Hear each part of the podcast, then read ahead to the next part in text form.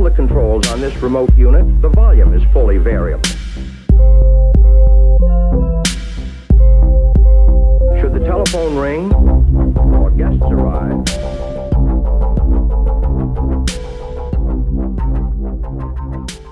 Um, tackar så mycket för att jag får komma hit idag. Jätteroligt att träffa gamla vänner och nya vänner. Uh, och vi ska prata, det blev en lite ny vinkling på alltihopa kände det. Så att jag kommer att prata fysiologi, syrebrist. Och sen kommer jag hoppa över alltihop det här med PEP och rekrytering och så. Och sen så kommer jag prata rescue treatments. Vad gör vi när respiratorn inte räcker till längre? Eh, och ska vi titta på orsaker till syrebrist så pratar man ganska ofta om eh, alveola arteriella gradienten och vad händer med den? Och liksom fundera på vad är det som inte fungerar? Och då kan vi se att vanliga lungorsakerna att vi har låg syrgashalt på hög höjd till exempel. Jag ska prata lite grann om det. Hypoventilation. Då har vi inte någon gradient eh, mellan, någon ökad gradient mellan alveolär syresättning och arteriell syresättning. Men när vi kommer ner på de här andra, diffusionshinder, shunt och VAQ-missmatch. Jag tycker att shunt är en form av VAQ-missmatch, men man brukar dela upp det på det här sättet. Eh, och jag har gjort dem med rött för det är framförallt de två vi kommer att prata om idag. Och det är oftast de bekymren vi ser på våra IVA-avdelningar när eh, ventilation och syresättning inte fungerar. Och här kan ni se en formel för en normal eh, alveolar arteriell syrgasgradient.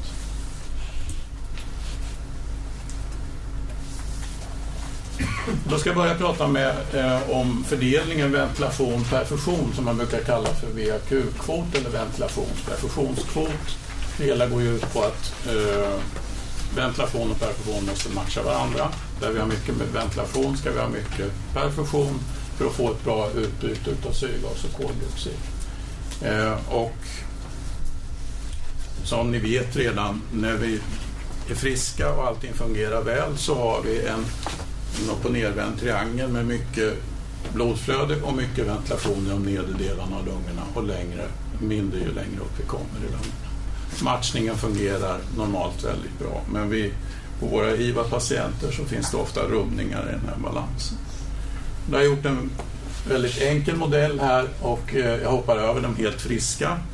Eh, men de här siffrorna är då den venösa saturationen och eh, den syresättning man uppnår i lungan och sen vad som når vänster hjärtat och pumpas ut eh, i systemcirkulationen. Och här kan vi tänka oss en nyopererad, eh, bukopererad, hyggligt frisk patient som ligger postoperativt hos oss eh, och vi ser att han har lite dassig saturation. Och så är det nedsatt ventilation, lite atlektaser, lite sekretstagnation i ett område av lungan. Eh, och Men det går ändå ner gas här. Vi har ett område med låg ventilation och vi har ett område med normal ventilation. Blodet som passerar här, när vi ger syrgas så går syrgasen ner även i det här området och vi kommer se en förbättring av syresättningen i det blodet. Och jag har gjort väldigt enkel matematik här som ni ser att vi förutsätter att det går lika mycket blod till båda delarna.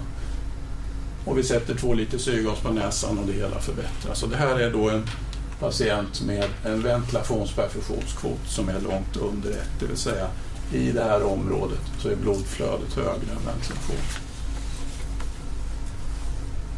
Sen måste vi börja arbeta med att få bort det här förstås. Smärtstilla, mobilisera, ta upp patienten ur sängen, ta några djupa andetag så att vi öppnar upp lungorna igen efter, efter eh, den här lilla kollapsen.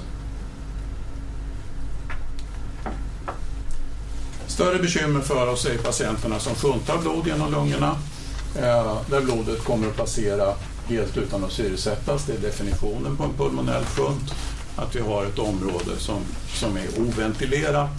Vad blir ventilationsperfusionskvoten i det området? Det står väl redan på era papper. Vi får en kvot på noll där, va? ingen ventilation men bibehållen perfusion. Jag har gjort en grov förenkling här, är det någon som genomskådar mig?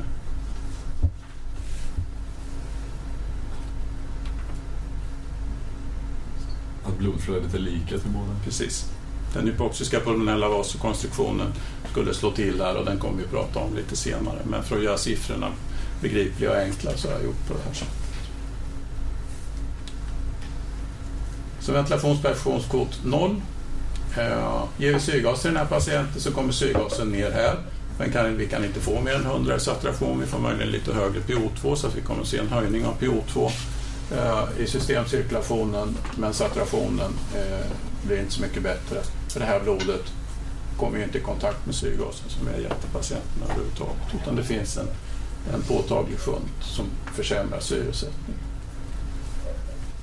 letar ni, jag tog inte med den bilden, men det finns iso-shuntdiagram som visar att när man kommer upp i 40-50% shunt av kardiak output så, så gör inte höjning av syrgasnivån någonting egentligen med saturationen, för det är så mycket blod som shuntas genom lungorna.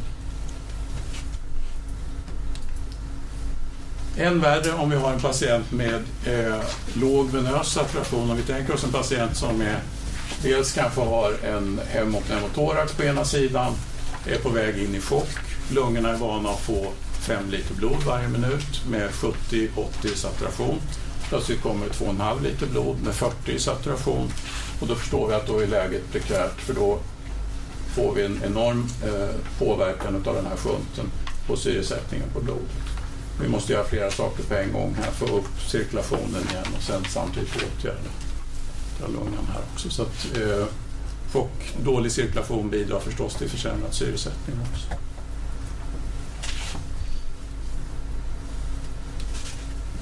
Jag vill att ni ska se ventilations som en skala från eh, sjunten här borta där vi inte har någon ventilation men bibehållet blodflöde och sen successivt förbi låg VAQ till normal VAQ med helt öppna lungor, normal syresättning och och i andra ändan eh, så har vi dead space och där är VAQ oändligt. Vi har bara ventilation, vi har inget blodflöde. Till exempel, kan ni komma på några patienter med stort dead space? Massiv lungemboli. Massiv lungemboli, ja. Särskilt gröna lungembolier är de absolut farligaste. Andra patienter som har hög dead space? stor konsoliderad lunga, alltså ingen luft. Ja, nej, det är tvärtom. Det är skönt, ja. Mm. Emfysem, ja. Obstruktiva. Ja, obstruktiva patienter som blåser upp sig får eh, och emfysem, det hänger ihop, det är samma typ av patienter. Och där kan vi också ha områden som kanske inte är ren, uh, ren dead space men, men väldigt hög ventilationsperfusionskvot. Eh, och det avslöjar sig ganska tydligt om man mäter entidalt och arteriellt koldioxid på de här patienterna. Att det blir väldigt stor skillnad mellan det entidala och det arteriella. Shunten ger inte alls samma påverkan på Eh, skillnaden i entidalt och arteriellt koldioxid.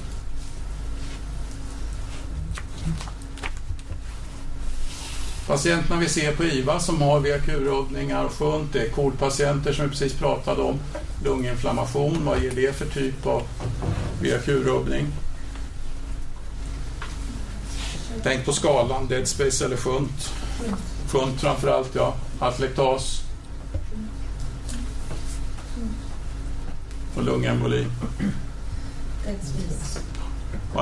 Lungembolipatient får sämre syresättning. Det beror oftast om det är en stor lungemboli så blir diffusionsytan så pass mycket mindre så att på grund av det så, så får man en sämre syresättning. Man hinner inte, diffusionen hinns inte med på samma sätt som vanligt. ARDS i tidigt skede. Shunt eller dead space? Jättemycket skönt. Väldigt stora delar av lungorna som inte är ventilerade. I en senare skede, jag vet inte om ni har sett en, en överlevare som ligger i respirator efter två, tre veckor så tillkommer ofta väldigt mycket dead space och en del av det dead spacet har vi nog själva ställt till med för att vi åstadkommer en fysem på lungorna har man kunnat visa. Och de har, ligger ofta, om de spontanandas så ligger de ofta med minutventilation på 15-20 liter. Ja, och det beror på att de måste ventilera så mycket för att hålla sitt koldioxid. Lungödem. Skönt. Bra. Och det vi mest kommer att prata om idag det är de här patienterna som ser så här hemska ut på sina lungor. Och de har, vi har ju två problem där. Dels har de jättemycket skönt och sen har vi väldigt liten lunga kvar att ventilera som vi måste vara försiktiga med. Eh, och jag kommer som, som sagt att gå förbi ventilatorbehandlingen i allra största mån. Hur kan man räkna ut shunten? Ja, här har ni en förenklad shunteräkning eh, där man förutsätter att eh, saturationen i lungkapillären är 100, det vill säga 1. Och så delar man det med sat, eh, arteriell saturation, eller minus arteriell saturation och sen börjar man blanda med lös saturation. Krångligare sätt att göra det är Bergens shuntformel som skapades här på Karolinska. Eh, jag kommer inte gå in i detaljer på den alls, eh, men den ger beräkningar för om man ger 100% syrgas. Ger man lägre halt syrgas så kommer man också få med, då kommer ju syresättningen att påverkas även i områden som är dåligt ventilerade, inte bara de som inte är ventilerade överhuvudtaget. Så ska man göra en korrekt funtberäkning med det här så behöver man ge 100% syrgas.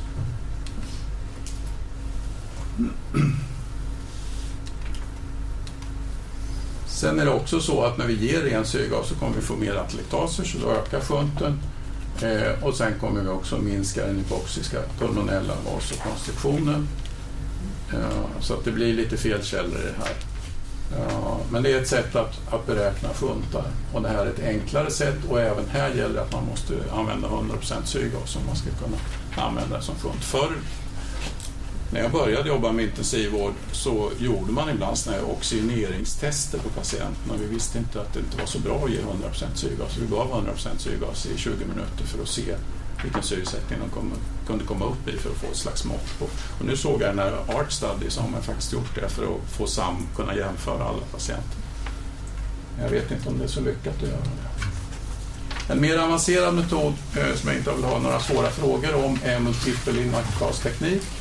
Man infunderar sex olika gaser med olika löslighet eh, intravenöst eh, från svavelhexafluorid som är mycket svårlösligt till aceton som är mycket lättlösligt. Det låter väl jättemysigt att få en infusion med aceton och svavelhexafluorid. Man får faktiskt etiskt tillstånd för att göra det även på, på, på människa. Eh, det är väldigt låga koncentrationer och inte något farligt att göra. Och det man får är att man får 50 olika compartments, inte anatomiskt men fysiologiskt, från shunten till dead space. Uh, vi ska inte gå igenom alla de här kurvorna, men det här är Peter Neumann som har varit hos Hedenstierna också uh, och gjort studier på grisar där han framkallat lungskada. Och vi kan till exempel ta den här där han har gjort ett lunglavage. Och då kan vi se de fyllda prickarna visar var perfusionen finns och här har vi shunt och här har vi jättehögt VQ. Och då ser vi att det finns en shunt på 52 procent och sen finns det en puckel här, ett område som är väldigt dåligt ventilerat men som är ganska bra perfunderat. Och sen har vi lite grann perfusion i det normala området med väldigt mycket ventilation där. Och då ser ni att det är PO2 på 10, det här är med 100% syrgas, så det är dålig syresättning. Och det, det som syns att den är en 52% sjunkit. Så det är en bra metod att använda och det är gold standard om man verkligen vill veta ventilations-perfusionsförhållandena i lungan. Den hypoxiska pulmonella vasokonstriktionen som jag hoppade över så fräckt förut skulle egentligen Kristina berätta om. Hon har hållit på mycket med hypoxisk pulmonell vasokonstriktion och det är ju också en, en uppfinning från Karolinska från början, eller hur? Jag letade efter von Euler och Liljestrands eh, artikel men jag kunde inte hitta den på PubMed igår i hastigheten. Nej, men man, alltså den måste man eh, hämta fysiskt. ja, Den finns inte det de gjorde var att de lyckades få in en, en, eh, en kanyl, tror jag, i arteria pulmonalis på katter och sen framkallade de hypoxi på katterna och då kunde de se att PA-trycken steg alldeles våldsamt. Eh, så det är en unik reaktion för lungan att eh, dra ihop sig men den är väldigt adekvat. För om vi tänker oss att vi normalt har de här förhållandena, om det blir hypoxi i ett område av lungan, då kommer det kärlet att dra ihop sig och så får man en omfördelning utav blodet från den sjuka delen av lungan till den friska så att man kan förbättra syresättningen på det sättet. Och HPV är lite tveeggat. Det försvarar oss mot hypoxi om vi har atlektas, lunginflammation, om vi blir utsatta för enlungeventilation. lungventilation. Eh, det bidrar till pulmonell hypertension vid KOL och det är en av anledningarna till att syrgasbehandling är så saliggörande för, för KOL-patienterna. Eh, det bidrar också till höghöjdssjuka och här finns säkert en genetisk faktor. Det är olika hur väl man klarar att att klättra upp på, på höga höjder. Eh, en del för. Jag träffade en galen anestesiolog från Österrike för många år sedan som älskade att klättra i berg men som kände att han fick faktiskt lungödem-tendens när han klättrade. Men då hade han adalat i fittan. Sig. Sen fortsatte han upp för berg. Kanske borde ha gått ner istället. Alltså kalciumblockare upphäver. Den är kalciummedierad den här effekten. Ja, Så det är ett bra sätt att ta livet av sig själv. ja. Mm. och sannolikt MO-medierad också. Men han var uppenbarligen vid liv. Ja. Eh, om man slutar att ventilera en lunga eh, så minskar blodflödet med ungefär 50 procent. Det har Kristina tittat på och det förutsätter att man ligger på rygg, eller hur? Om man, om man ligger på sidan och framkallar hypoxi i den nedre lungan då orkar inte den här vasokonstruktionen med att omfördela blodet riktigt. Nej. Så det är en kraftfull effekt. Ehm, ju mindre område som är hypoxiskt desto starkare blir den här hypoxiska pulmonella vasokonstruktionen. Reaktionen blir ju kontraproduktiv om man är hypoxisk i hela lungorna förstås för då finns det ingenstans att omfördela blodet. Och det är typiskt för höghöjdssjuka. När ni som klättrar upp på Kilimanjaro och på Mount Everest, eh, då vet ni att, att alltså höghöjdssjukan är ju pulmonell hypertension. Det är därför man blir så sjuk. I alla fall lungkomponenten i ska vi säga. Det finns ju ska, ja. Eh, Men, och det beror ju på att hela lungans kärlbädd blir kontraherad. Och då finns det ingenstans att omfördela blodet i lungan. Då stiger ju istället trycket. Medan om bara ena lungan är hypoxisk, då kan ju lungan, alltså lungorna omfördela cardiac output till den friska lungan. Som glatt sväljer det här blodflödet. Ja. Och då stiger inte trycket alls lika mycket. Det är som rörmokeriet hemma. Va? Om ni, om ni har hälften så, så, så vida kärl, det är klart det blir högre tryck med samma flöde. Men så att om hela lungan är hypoxisk, då stiger pulmonella trycket och då blir det en svår högerkammarsvikt. Och ett hydrostatiskt ödem. Medan om jag har en liten del av lungan, då kan kärlen dra upp sig där och den delen av blodet sväljs av resten av blodkärlsbädden. Och då stiger inte trycket lika mycket. Nej, det är ju så att eh, har man normal lung- lungkärl är enormt distensibla. Har man normal lungkärlstonus så klarar de att ta emot öka sin cardiac output, jag tror upp till två och en halv gång. Alltså att man ökar blodflödet till två och en halv gång. Och det kan man ju tänka sig om man gör pulmektomi på, på en Precis. patient eh, som är, inte har en pulmonell hypertension så får de ingen pulmonell hypertension efteråt heller. Tyvärr så är ju många av de som gör pulmektomi sjuka i sina lungor och kan få ha en pulmonell hypertension och då brukar det bli problem ännu mer uttalad pulmonell hypertension postoperativt eftersom lungkärlsbädden har blivit så mycket mindre. Det är skillnad mellan arter. Eh, grisarna har en fantastisk stark vasokonstruktion. Eh, och min teori är att det är därför det inte finns några alpgrisar. Jag tror inte de skulle klara sig på hög höjd överhuvudtaget. Eh, de kan verkligen dra ihop sina lungkärl. Jag har försökt att framkalla eh, ensidig lungskada på grisar. Det var jättesvårt. En del av dem, vi ville se ett sänkt PO2 men de flesta bara stängde den här lungan och sen så syntes det ingenting på syresättningen. Fascinerande. Men de överlever om man bara gör vänster underlopp hypoxiskt. Ja, de överlever, men de drar ihop ordentligt dit. Och att det här är en hypoxisk pulmonell vasokonstriktion. Man har gjort en del eleganta försök för, för många år sedan. Eh, om man ventilerar en lunga med ren kvävgas man tänker alltså att det kan bero på att lungan har fallit ihop och att det är därför som blodflödet försvåras. Men om man blåser upp den och ventilerar den med kvävgas då ökar inte blodflödet utan då finns den här vasokonstriktionen kvar. Och sen har man gjort så i en atlektatisk lunga, det skulle ha stått att den här lungan är kollapsad. Men den här lungan är kollapsad och sen så ökar man eh, syrgashalten i det blod som kommer till lungan. Och då normaliseras blodflödet trots att den fortfarande är kollapsad. Så det är inte en mekanisk kompression av lungan som gör att cirkulationen går ner. Utan det är verkligen en aktiv, och det är en lokal process. Även en transplanterad lunga som har förlorat sin innervation har kvar sin HPV så att det hela sker lokalt.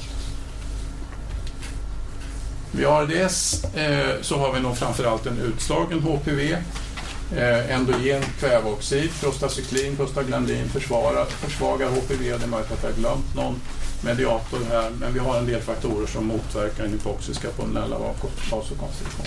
Almitrin är ingen endogen substans, men ett läkemedel som förstärker den hypoxiska pulmonella vasokonstriktionen och i samband med, med NO-bommen när vi skulle ge NO-inhalation så gjorde man också studier även på människor där man gav Almitrin samtidigt för att ytterligare förbättra syresättningen. Ja, nu har jag hört lite att det pratas lite om Almitrin igen men, men jag vet inte om jag tror på konceptet riktigt. Att man ska dra ihop eh, kärlen i den sjuka delen av lungan för att förbättra syresättningen. Man får ju ganska p-tryck. Ja. Men tittar man särskilt på franska studier, läser ADS-studierna noggrant, den här tabellen vilken behandling de fick i övrigt, så är det alltid någonstans mellan 5 och 15 procent som har fått Almitrin. Det är så. Så det, det används eh, Ja. framförallt i Frankrike. Ja. Jag förstår inte hur de vågar, men det används. Nej. Nej det, däremot verkar det inte, har ingen effekt på systemcirkulationen. Jag vet. En märklig substans faktiskt som bara verkar förstärka HPV. Eh, Eh, då går vi ifrån lungcirkulationen kort om syrgastransport. Vi vet att vi transporterar syrgas i plasma, eh, som, där vi mäter PaO2 och varje kilopascal motsvarar exakt sådär många milliliter syrgas per liter. Så tar vi en normal syresättning så ungefär 2,2 milliliter syrgas som finns löst i plasma. PO2 är ju viktigt för diffusionen av syrgas ut till målcellerna. Eh, men som ni ser inte någon stor transportör utav syrgas. Höjer vi PO2 till 40, om vi skulle få för oss att göra det, så är vi uppe i 8,8 milliliter. Då ska man jämföra det med det som transporteras med hemoglobinet där varje gram hemoglobin kan binda 1,34 milliliter syrgas vilket innebär att bundet till de röda blodkropparna har vi 160 till 200 milliliter. Så att det är där den stora, stora lasten av syrgas transporteras ut i kroppen. Och totalt så bestäms vår syrgastransport. Vi behöver inte räkna med PO2 när vi pratar om syrgastransport utan det är HB, det är saturation och det är cardiac output.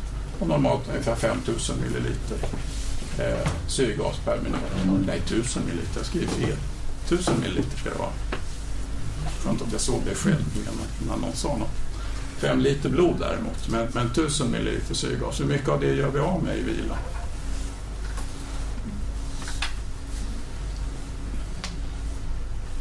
Vad är vår normala syrgaskonsumtion när vi tar det lugnt? Hur mycket är kvar? Är det inte ungefär kommer 20 blodet komma tillbaka till hjärtat? Gör av med ungefär 20 procent. Ja. Alltså, jag tror det var över 80, 85. Precis, venösa saturationen som vi ska prata om alldeles strax. Någonstans mellan 70 och 80 procent. 250 milliliter syrgas brukar man säga för att vi konsumerar i vila.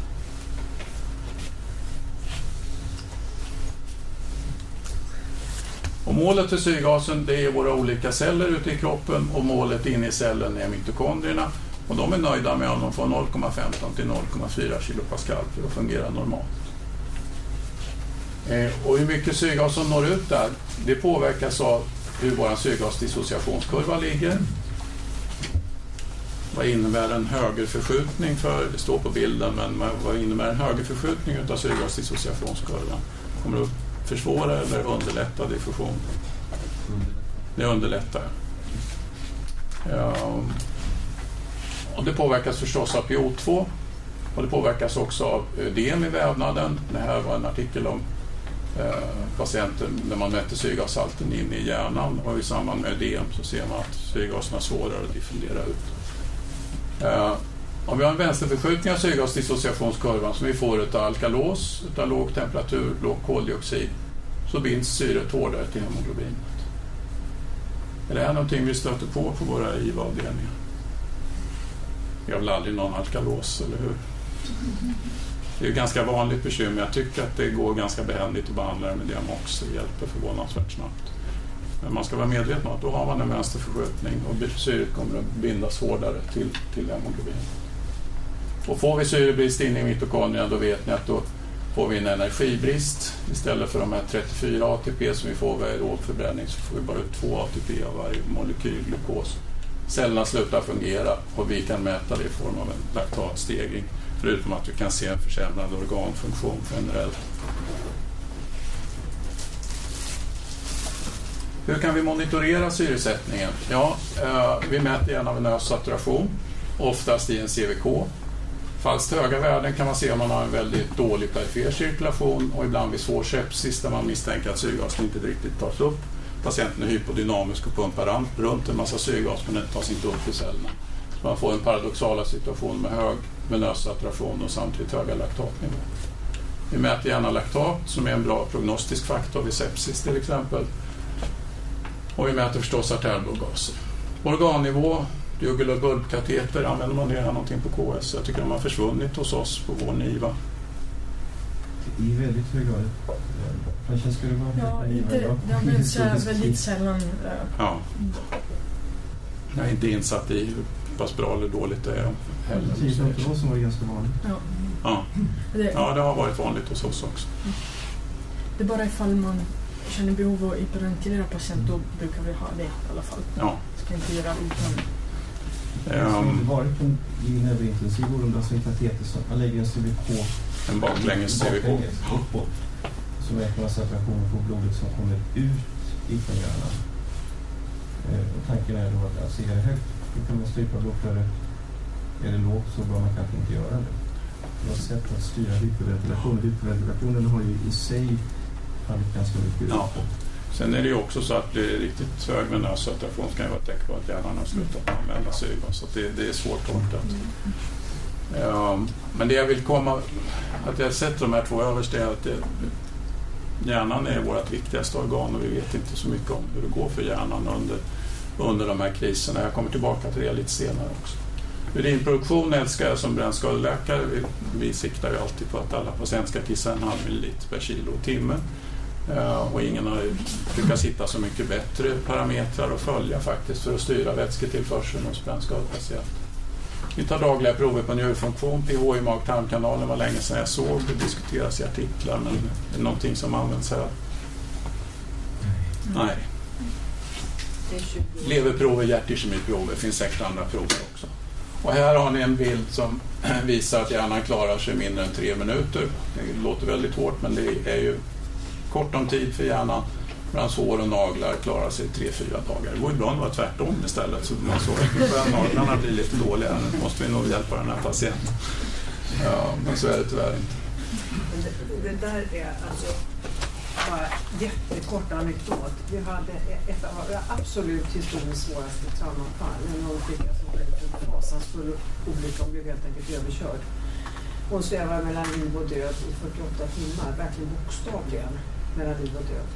Och när det gick ytterligare den här dagen, hon överlevde, dock utan höger ben och utan höger sida på pelvis. Det har gått ytterligare några dagar då växte det ut, hon var 19 år eller 16 eller något sånt, centimeter efter centimeter av helt avfärgat hår. Hon var helt grå. Hon har varit, alltså, apropå det här med hud och naglar, Mm. hon hade varit så bokstavligen svävande mellan liv och död att eh, håret blev helt avfärgat och grått. De centimetrarna som var från dem till hon. Var helt, jag har aldrig sett det, eller senare. Hårrotsischemi. Ja, Ja, mm. så var det. Så det finns en gräns även för hår och naglar. ja precis. Mm. Eh, när man nu tar eh, blandad venös ur sin CVK kan man undra hur pass bra stämmer det med den riktiga blandade venösa. Egentligen ska man ju ha en PA-kateter om man ska vara ortodox. Eh, och här har man eh, gjort en studie där man på 218 patienter med akut lungskada där man har relaterat centralvenös saturation till blandad venös saturation. Och som ni ser så är det hygglig korrelation men det finns några outliers här. Här har vi en som har väldigt högt eh, bra syresättning i centrala venkatetern och väldigt dåligt blandat venöst. Hur skulle ni tolka det? Vi säger att CVK ligger i vena cava superior.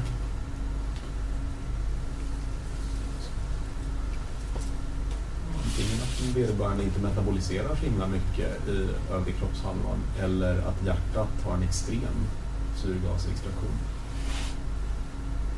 Ja, hjärtat eller det kan vara elände söderut. Ja. Nedre kroppshalvan är väl det första jag tänker på att man har ischemi i buken eller väldigt hög syrgaskonsumtion där. Så att det, Eh, och den här har en hög blandvenös och lågt i CVK. Det är ju tvärtom då, att man metaboliserar väldigt mycket i övre kroppshalvan men nedre kroppshalvan kanske inte gör så mycket. Nej. Utan Den ena förklaringen. Den andra förklaringen skulle kunna vara att det finns en, en vänster-höger front någonstans i hjärtat. Så att man får en arteriell tillblandning i blodet eh, mellan CVK och PA-katetern. Men det är på det stora hela, och alltid när man tar sådana här prover så är det trenden man ska följa. Man kollar ett värde och sen så gör man någonting och så ser man om man får det att gå- gå åt det håll som man vill. Jag tycker det är ett bra prov som vi gärna använder ofta. Permissive hypoxemia diskuteras. Eh, om vi börjar med, med den nedersta raden här så hittar jag en Cochrane-rapport från 2014 där man letade efter adekvata studier av permissive hypoxemia och inte kunde hitta några överhuvudtaget. Och sen när jag letat efteråt också, så att vi vet inte riktigt. Lite skrämmande data finns. Här är en ganska stor studie med eh, överlevande ARDS-patienter och de som hade sämre syresättning hade sämre kognitiv förmåga och psykiatrisk hälsa på lång sikt. I KPM-rapporten permissiv hypoxemi, vilka, vilka nivåer? Ja, man kom inte, det blev en väldigt, eh, vad heter det, ganska sparsam rapport eftersom man inte hittar några studier att titta på. Men eh, Vilket är ett extremt intressant budskap i sig själv. Men på eftermiddagen så sätter vi mål för syresättningen för varje patient varje dag. Mm. Vi har ingen aning om vad målet ska vara. Fast man måste ju ha haft sökkriterier när man letar ju ja, jag kommer inte ihåg dem. Nej. Nej. Ja, jag skulle vilja sätta en gräns någonstans vid 8 i PO2 eller något sånt. Kanske 7 ibland. Det beror mycket på hur väl cirkulationen fungerar också. Ja, jag tycker det som är otäckare och otäckare med man håller på med det är vad, vad händer med hjärnan egentligen. Och jag tror inte bara det är syrebrist utan jag tror att vi får inflammation i hjärnan också när vi är svårt sjuka och att det har stor betydelse också. Men det, är dystra, det här är dyster läsning. Den visade sig också i den här studien att de som hade fått en restrictive fluid therapy hade också sämre neuropsykiatrisk hälsa efter att ha överlevt ARDS. Annars så brukar man ju säga att det faktiskt ger kortare ventilatortid och så vidare. Men kanske lite, lite svullen och två dagar i respirator skulle jag stå, stå ut med om jag mådde bra i huvudet efteråt. Så det jag vet inte hur man ska tolka det riktigt. Och på neona så gav lägre syresättning ökad risk för död och nedsatt, eh, eller nedsatt funktion. Man siktar på 85 till 89 istället för 91 till 95.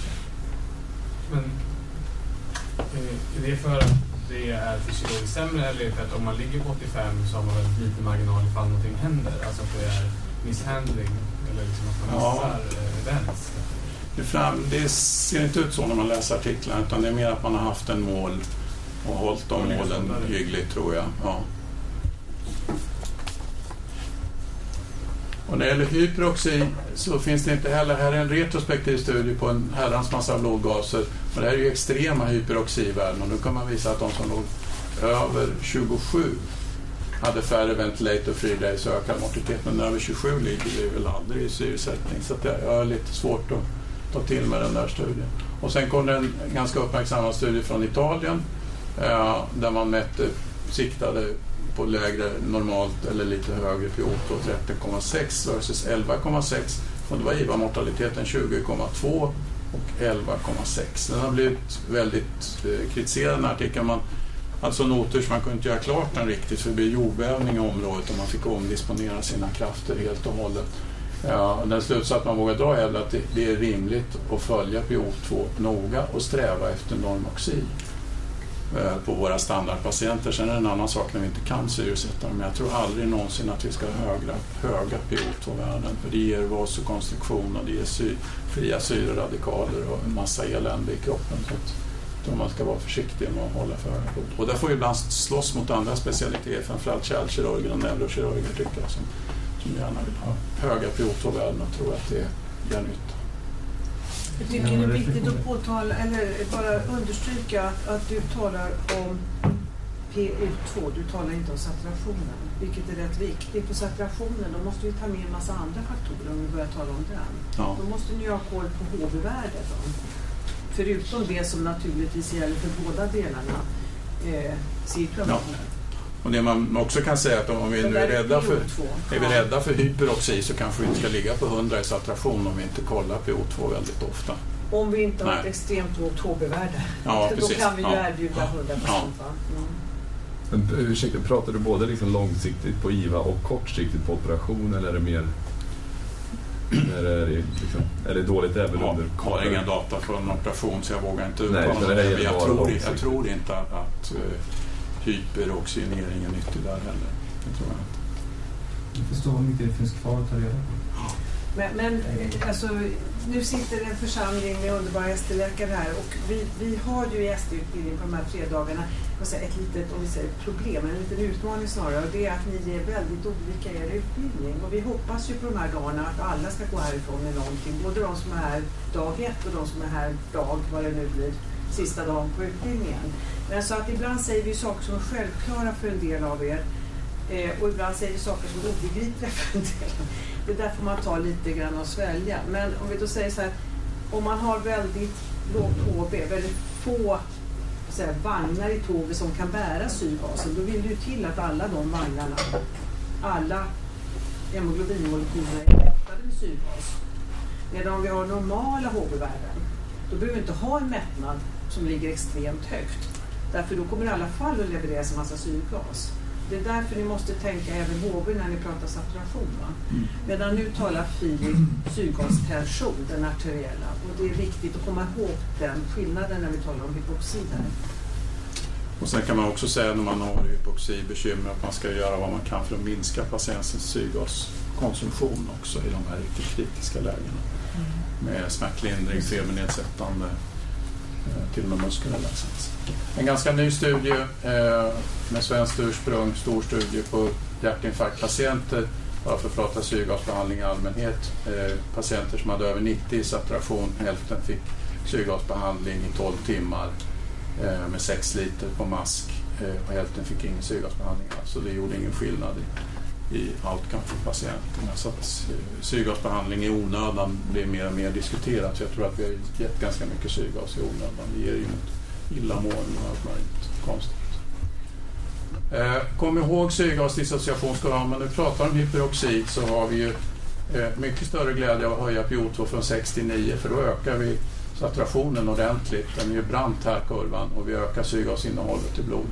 Men fortsätter vi öka från 9 till 16 så kommer ökningen att bli betydligt mindre utav, eh, i eh, syrgasinnehåll i blodet.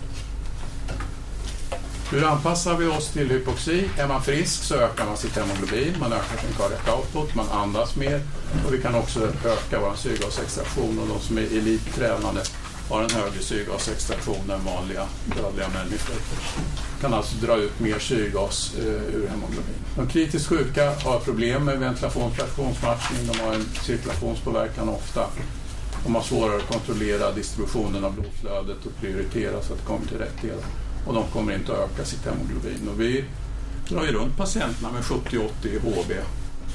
Det kan man fundera på hur, hur 17 funkar för den venösa saturationen ligger ofta ganska normalt ändå.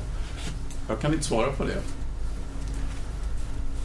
Någon som kan svara på det? Varför? Vi har, om vi har 70 i saturation så borde vi ha halverat syrgasinnehållet. Ändå är den venösa saturationen 70-80. Jag hinner inte med Filip, förlåt. Vi transporterar mycket mindre syrgas ut i kroppen när vi har 70-80 i HB. Eh, och hjärtat pumpar på 5 liter per minut. Och ändå kommer det tillbaka 70-80 procent till. Det är väl saturerat. Mm. Då extraherar vi ju rimligen mycket mindre syrgas än vad vi gör i ett normalläge. Så att det är väl så att när vi har när vi levererar mindre så en reaktion är att vi ökar output. Ja, men det är ju inte Det finns säkert. ett reciprokt samband mellan Visst gör vi det, om vi orkar. Så gör vi det. Ja, kommer ja. tendera att höja blandämnes medan sänkningen HB kommer tendera att sänka saturation. Sen tror jag också att det till viss del är en parallell förskjutning. Att när du sänker arteriell saturation så sänker du också blandämnes. Det måste ju vara så. Ja, så måste det vara. Visst. Ja, men jag tycker ändå man ser ganska ofta normala Ja. saturationsvärden. Ja.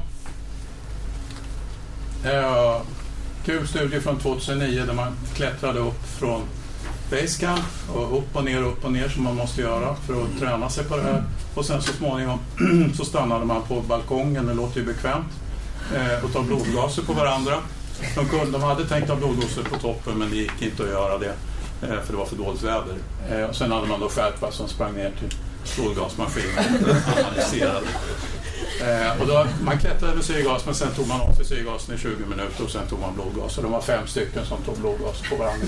Vi hinner inte gå igenom hela den här eh, Visst tror vi femoralis förut? Ja, femoralis, ja. Alltså, Det låter kallt. Och det är jag. Det låter kallt. Ja. Eh, vi kan titta på PO2 hos de här eh, som eh, på herrklubben i London inbillar jag mig låg ungefär här, 100 mm kvicksilver.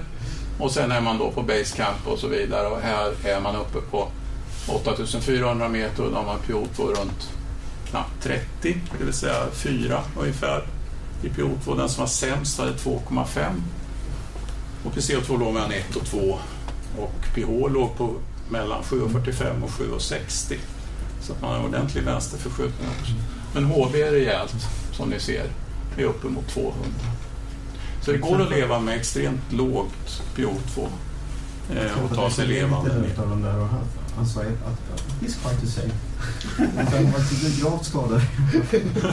Nej, man kan fråga sig om man har en skada redan innan man sätter igång med sånt.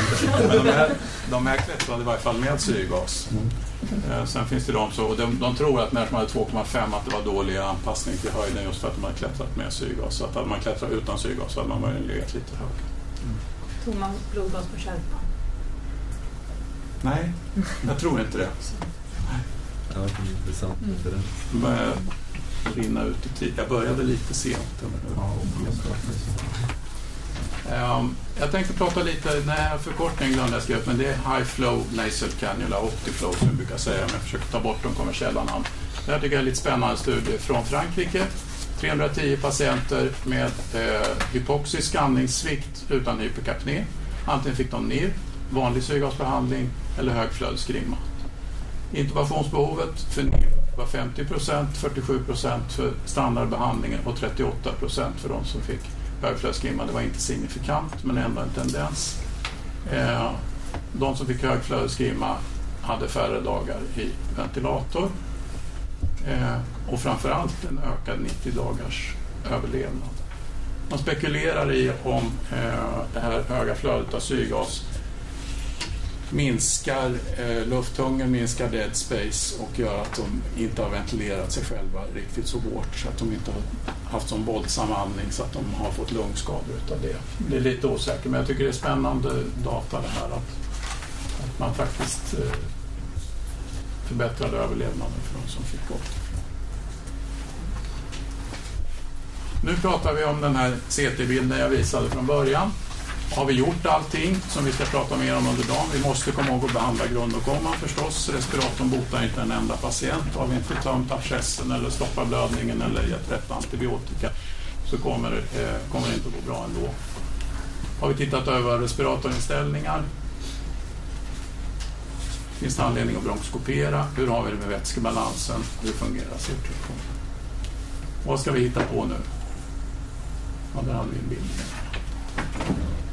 Vi har diverse rescue treatment som jag tänkte prata kort om. Vi har bukläge, vi har muskelrelaxantia, vi har pulmonell vasodilatation, vi har ECMO, vi har några behandlingar som har försvunnit lite grann. Jag ska nämna HFO lite grann i varje fall. Om vi börjar med bukläge eh, så får man en jämnare ventilationsfördelning. Vi kan minska traumat mot lungan, en minskad ventilatoriniserad lungskada. Vi kommer att fördela andetaget över flera alveoler. Det är i princip en open lung-manöver man gör när man vänder patienten i bukläge. Vi minskar förhoppningsvis syrgasbehovet som också kan ge ventilatorinitierad lungskada. Svårt att veta hur länge lungorna tål men på små försöksdjur så får man svåra lungskador efter två dygn med 100% syrgas utan några höga tryck eller någonting sånt. Vi kan rädda enstaka patienter ur livshotande hypoxemi. Och vi kan undvika mer risk behandling med det sagt ECMO. Den här bilden har jag fått av Johan och jag tycker den är bra för att förklara, visa hur lungorna öppnar sig. Eh, de har framkallat lungskada på hundar, 60 syrgas, pip 3 cm och sen lägger man, gör man rekrytering och sen så lägger man på om man pip 8 eller pip 15. Här ligger djuren på rygg och då kan ni se att med pip 8 här och en rekryteringsmanöver får man ordentlig förbättring av syresättningen. Men sen eh, när rekryteringen är över så, går, så sjunker lungan ihop igen. Så att pip 8 räcker för att hålla syresättningen ungefär här. Och de som har pip 15 förbättras också av rekrytering, faller ihop lite grann men håller sig på den här nivån syresättningsmässigt. Sen den gruppen som är i bukläge, redan utav pipet så är pip 8-gruppen här uppe istället för där nere. Man rekryterar med ett svar och sen håller man sig kvar på en högre syresättning än vad PIP 15 gav eh, i ryggläge. Och den gruppen som har PIP 15 behöver egentligen inte göra någon rekryteringsmanöver för den är i princip öppen, en väldigt liten effekt. Utav. Så att, att lägga patienten i bukläge blir en, en rekryteringsmanöver. Man omfördelar ventilationen, får en jämnare fördelning och öppnar alveoler som tidigare var stängda. Och det här, som alla open lung-manövrar som vi ska prata om, det ska göras tidigt i förloppet. Sannolikt inom de första 36 till 48 timmarna. Eh, den största studien som finns... Nej. Um, här är en studie från Frankrike igen med svårt sjuka ARDS-patienter som har legat max 36 timmar och som sen randomiseras till bukläge eller ryggläge. 466 patienter. Och det man fann var att i buk, de som fick buklägesbehandling de låg i snitt eh, 17 timmar per gång och fyra, i genomsnitt fyra buklägesepisoder. 28 dagar 16 procent mortalitet jämfört med, 23, Eh, jämfört med 32, 33 nästan. Eh, och 90 dagars mortaliteten också en betydande skillnad. Det här är nog den största mortalitetssänkning man har sett i någon ARDS-studie faktiskt. Och vi måste ha bukläge i våra huvuden och, och göra det tidigt på patienterna. Jag skulle vilja säga en gräns PIP 10, 60 procent syrgas, någonstans där måste vi börja fundera på det. Det är behandling som är tillgänglig på alla IVA-avdelningar, alla tider på dygnet, i alla delar av världen. Den kostar inte ett öre, den är relativt komplikationsfri. Ja, det är den verkligen. Och man ska ha bra och säkra rutiner när man gör det och se till att man är tillräckligt många så man inte rycker ut tuber och CVK och ställer till det på något sätt. Eh, och vi har skrivna rutiner för hur det ska gå till, vem som ska göra vad och, och så att man ser till att det går lugnt och säkert.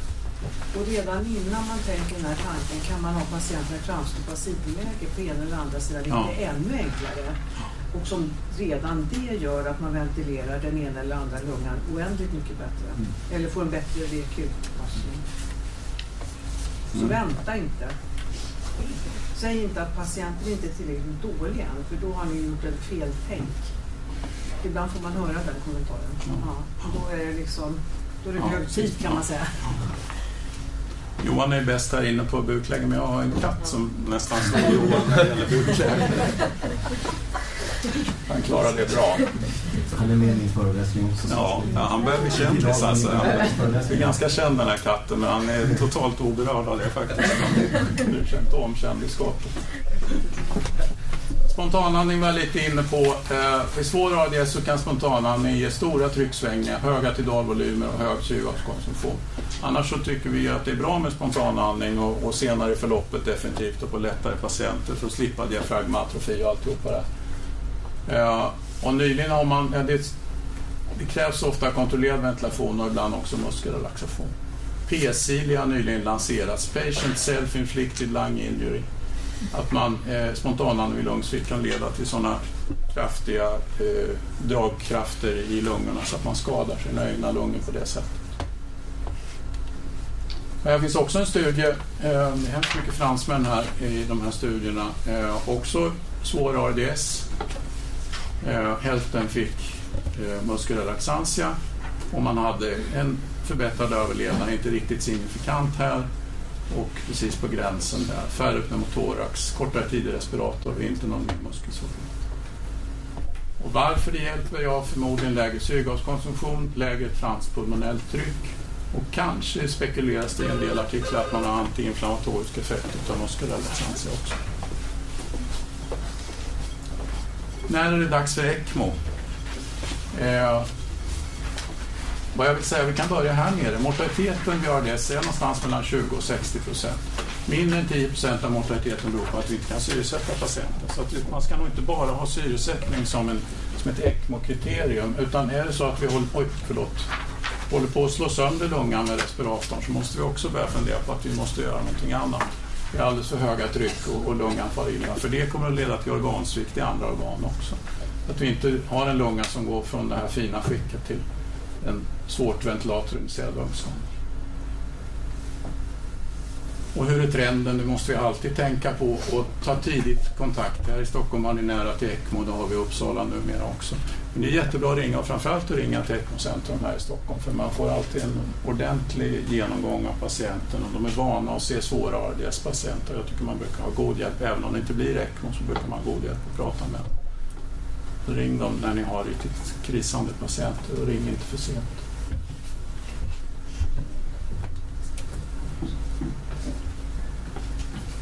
Nu börjar vi bli så sena så jag tror nästan att ni kan läsa den här bilden själva. Och så, så, som jag säger, indikationerna är relativa också. Så att ring gärna och ta en diskussion när ni är oroliga för patienten. Det kan vara att det blir för mycket ventilatorinitierad lungskada. Vi måste få stopp på det här på något. Eh, venominös eller venoarteriell. Varför väljer man venoarteriell? Ja, vid svår cirkulationssvikt då tar man blodet från vena cava och sen syresatt blod tillbaka till aorta via arteria femoralis. Man säkrar systemcirkulationen. Men då blir det ju så att det går dåligt syresatt blod genom lungorna till vänster kammare. Kanske inte så himla mycket. Men om vänsterkammaren pumpar ut så kommer den att pumpa ut blod som är dåligt syresatt. Man vet inte riktigt vad som händer varken både i koronarkärl och i, i den cerebrala cirkulationen. Lite otäck eh, situation där. Och sen har man också en risk för ischemi i benet där man har satt den här grova katetern. Och ofta gör man, sätter man en liten bypasskateter från, från katetern och sen distalt på arteria femoralis så att man kan perforera benet också. Och det finns en stor studie, 180 patienter i England med ARDS. Hälften gick till ECMO, de andra fick stanna på sina, jag tror 22 olika sjukhus i mellersta England. 73 procent av de som gick till ECMO-enheten fick ECMO och de som var kvar på sina hemsjukhus fick 70 procent protektiv ventilation. Sex månaders mortalitet slash svår sjukdom var 37 respektive 53 procent de bästa resultaten för ECMO-enheten. Ja, eh, och den fördel man vågar dra är att det är, den slutsats man vågar dra är att det är en fördel att remitteras till en enhet med hög ARDS-kompetens. Eh, och eh, jag tycker absolut ECMO ska ingå som behandlingssteg när konventionell behandling inte räcker till. Och jag har en, flera stycken unga patienter i min ryggsäck som jag är övertygad om hade avlidit om de inte hade fått komma till ECMO. Och nu pågår en ny stor studie eh, med protektiv ventilation, muskulär laxantia och bukläge i den ena gruppen och venominös ECMO i den andra. Får jag hålla på? Vad hemskt vad jag... Det låter lite frågor vi har. Men Ja, precis. Det, det kan väl vara lite beroende på frågearsenalen här. Den där går lite före faktiskt. Det gör den. Så att... Eh, Hur lång tid behöver du? Fem, tror jag. Du får tre. Nu ska prata så fort. Ja. Eh, HFO behöver vi inte prata så mycket. Tanken med HFO är att ventilera med väldigt många och väldigt små andetag. Blåsa upp lungan på den här tryckvolymkurvan och lägga den i det här området och ventilera väldigt försiktigt. Och det är tänkt som en, den optimala open lung ventilation. Ni ser att det inte är någon teknik som har utvecklats utan som den är tillverkad i Sovjet på 50-talet ungefär. Det kom två stora studier för fyra år sedan. Eh, den ena visade 47 procent mortalitet i HFO-gruppen och avbröts i förtid. Och den andra visade ingen mortalitetsskillnad, 41 procent i båda grupperna. Jag tror att det var en månads mortalitet. Eh, och de var lite olika. Det här var en bra HFO-grupp och det här var en bra kontrollgrupp kan man säga. Så det var kul att jämföra de två bra grupperna istället. Och sen kommer en retrospektiv studie på barn från en månad till 18 år. 9000 barn, 900 fick HFO. De låg längre i ventilator, de låg längre på IVA. Mortaliteten var 17,3 jämfört med 8,4. Och inte heller tidig HFO eh, var nytta. Man skulle kunna tänka sig att om det är en open line-manöver så ska man in tidigt med det för att göra största nyttan. Men, men det tittar de också på, de som fick HFO inom 36 timmar. Neonatal använder fortfarande HFO eh, och säger att det i varje fall inte visat att det är farligt. Men, men jag, vet, jag vet inte. Det är svårt att tro att det funkar så dåligt för alla andra. Och jag tror så här. att HFO var fantastiskt för 20 år sedan när vi fortfarande hade stora tidalvolymer och lågt pip och sen har har konventionella ventilation blivit så mycket bättre så att eh, tiden har gått ut för HFO. Så här gjorde vi i Uppsala med våran HFO-apparat. Den står nere i källaren någonstans. Dr. No, Den har ju sina, vi måste ju säga det, alltså det finns ju på öron med främmande kroppar men nu ja, det är en annan sak. nu Men för ARDS-patienter. Precis. Ja, Om det är någon som tror att de är helt bortslängda så nej, det är de inte. Men det är just den här typen det. av... Ja, det är en annan typ det av... är en annan typ. Med precis. dubbel ventilation. Man måste skilja Ja. vad det är för önskemål Ja. man har. Ja. NO, tanken var att man ger NO-inhalation, ger en kärldilatation lokalt eh, med minskad funt, sänkt PA-tryck men inte någon systemeffekt. Fyra stora studier som alla var negativa visar inte någon bättre outcome om man använde NO tidigt i ARDS. Det var en enorm hype i slutet på 90-talet, början på 2000-talet. Misstanke om ökad risk för njursvikt också. Eh, det är registrerat som läkemedel för nyfödda med akut lungsvikt från vecka 34 och pulmonell hypertension samma med hjärtkirurgi. Det kan användas som rescue treatment vid refraktär hypoxi.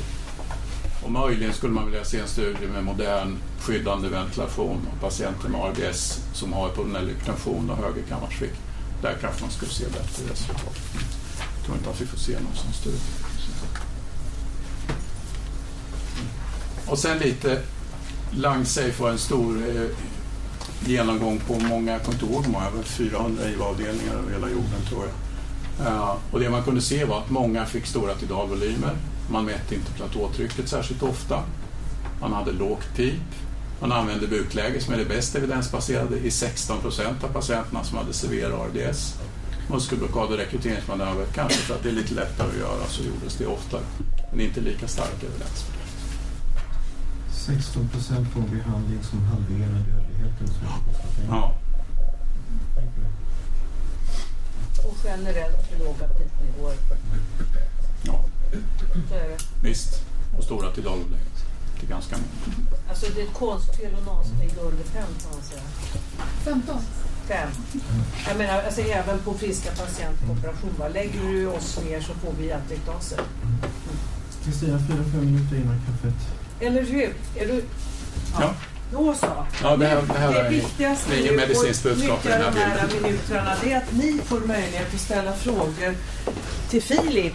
Eh, här har vi direkt. Härligt. Det här med pip tycker jag är jättebra. För du säger under 10, eller var det 12 till och med? Under 12, ja. ja. Det är ju jättesällan som man ändå ligger på 14, 15, 16. Ja, om vi har de här riktigt sjuka patienterna, då ska man ju upp. Och jag, jag tror ju att man med sitt PIP och jag tror trots ART study på rekryteringsmanöver på de här patienterna att man ska leta efter lägsta drivtryck. Göra en ordentlig rekrytering och sen, inte med, med ordentlig menar jag inte 60 över 45 som man använder ART study, men en rekrytering där man ser att compliance börjar öka om nu patienten är rekryterad. Och sen sänka PIP och leta. Det vi kan, jag brukar uttrycka det som vi måste leverera andetaget till lägsta möjliga kostnad i form av tryck. Jag, jag tror mycket på det konceptet. Sen måste vi komma ihåg att vi inte får drabba cirkulationen för hårt med för höga pipvärden och så också. Så att det väger in alltihopa. Men, men eh, Vet du vad man kan tänka på barn? Är det liksom samma värden där eller är de känsligare? Ska, ska man, det nej, att rekryteringsmanöver på barn, även där är öppningstrycket vid friska lungor ungefär 40 centimeter. Men pip och pipvärden över 12 är okej där också eller? Ja, För barnläkarna tycker jag att det är o... Eller BIVA som är just nu. Jag har haft en patient med ensidig pneumoni. Ena lungan ser ut som lever, andra är frisk. Och sen så håller vi på med det här med pip och så. Och så tycker man men pip 10 det är otäckt. Vi går ner lite och sådär jag skulle vilja säga titta på compliance eller titta på drivtryck och, och leta det pip där man får bästa. Och sen samtidigt komma ihåg att man inte eh, komprometterar cirkulationen för mycket med sitt pipvärde. Risken är det här som du beskriver. Om, alltså du säger nu att ena lungan ser ut som en lever och då undrar man, är, är liksom det helt igenkloggat hela bronkträdet på den sidan? Alltså, För då, vad händer då när vi lägger på vårt Ja, pipventilation? ju- det går ja. ju bara till den friska lungan som då riskerar att bli skadad. Så att nummer ett vore ju att åtgärda om möjligt orsaken till varför ventilationen inte når den här sjuka lungan så att den fördelas på hela lung, hel, båda lungorna. En pneumoni i ena lungan. Ja. Lubbe, alltså pneumokock, Ja. någonting sånt. Vi vet inte exakt. Jag vet inte om ni har sett den här Art Study som kom nu där man rekryterade väldigt aggressivt och Jag skrev upp visade att jag tycker inte om att vi pratar i gåtor. Alltså ART är för akronymen för studien Cavalcanti JAMA 2017. Den dyker kanske upp i bra. Mm. då tar vi den sen Ja. tycker jag. Mer frågor här? Alla vill ha kaffe?